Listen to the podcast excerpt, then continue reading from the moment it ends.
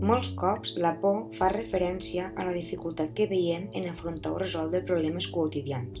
Per això, és important tenir un pensament positiu per sortir de la zona de confort, anar més enllà dels nostres límits per tal de créixer com a persones. La qüestió és tenir la voluntat d'esforçar-se per superar-se constantment en les coses que ens fan temor. Podem dir que tenir por no és negatiu, ja que tots tenim por per alguna cosa i és part de la naturalesa del ser humà. La por pot ser el punt de partida per a la construcció de la confiança, ser més forts que abans i ser capaços de prendre decisions en moments difícils i delicats. D'altra banda, la por també té lògicament una part negativa per a la persona, ja que en certs moments ens pot deixar paralitzats i no respondre com toca. La por es pot reflectir als nostres somnis pertorbant el nostre son, a no aprofitar les oportunitats per por al desconegut, a no deixar-nos créixer personalment i a no deixar-nos viure la vida al màxim.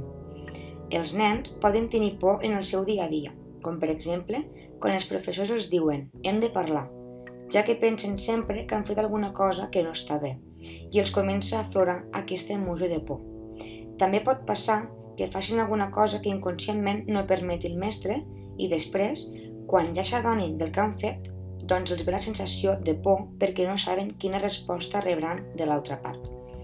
Una manera de treballar la por a l'escola seria fent ioga a classe d'educació física amb l'activitat Inspira, Expira.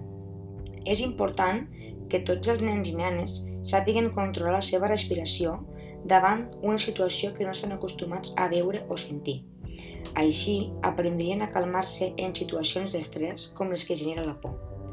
Una altra activitat que es podria utilitzar és que cada alumne expliqués als seus companys una por actual que té.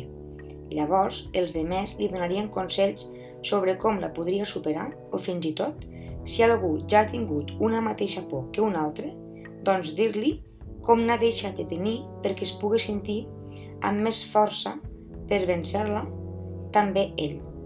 Doncs aquí s'acaba el nostre itinerari per les emocions, però ens acomiadem en l'últim episodi.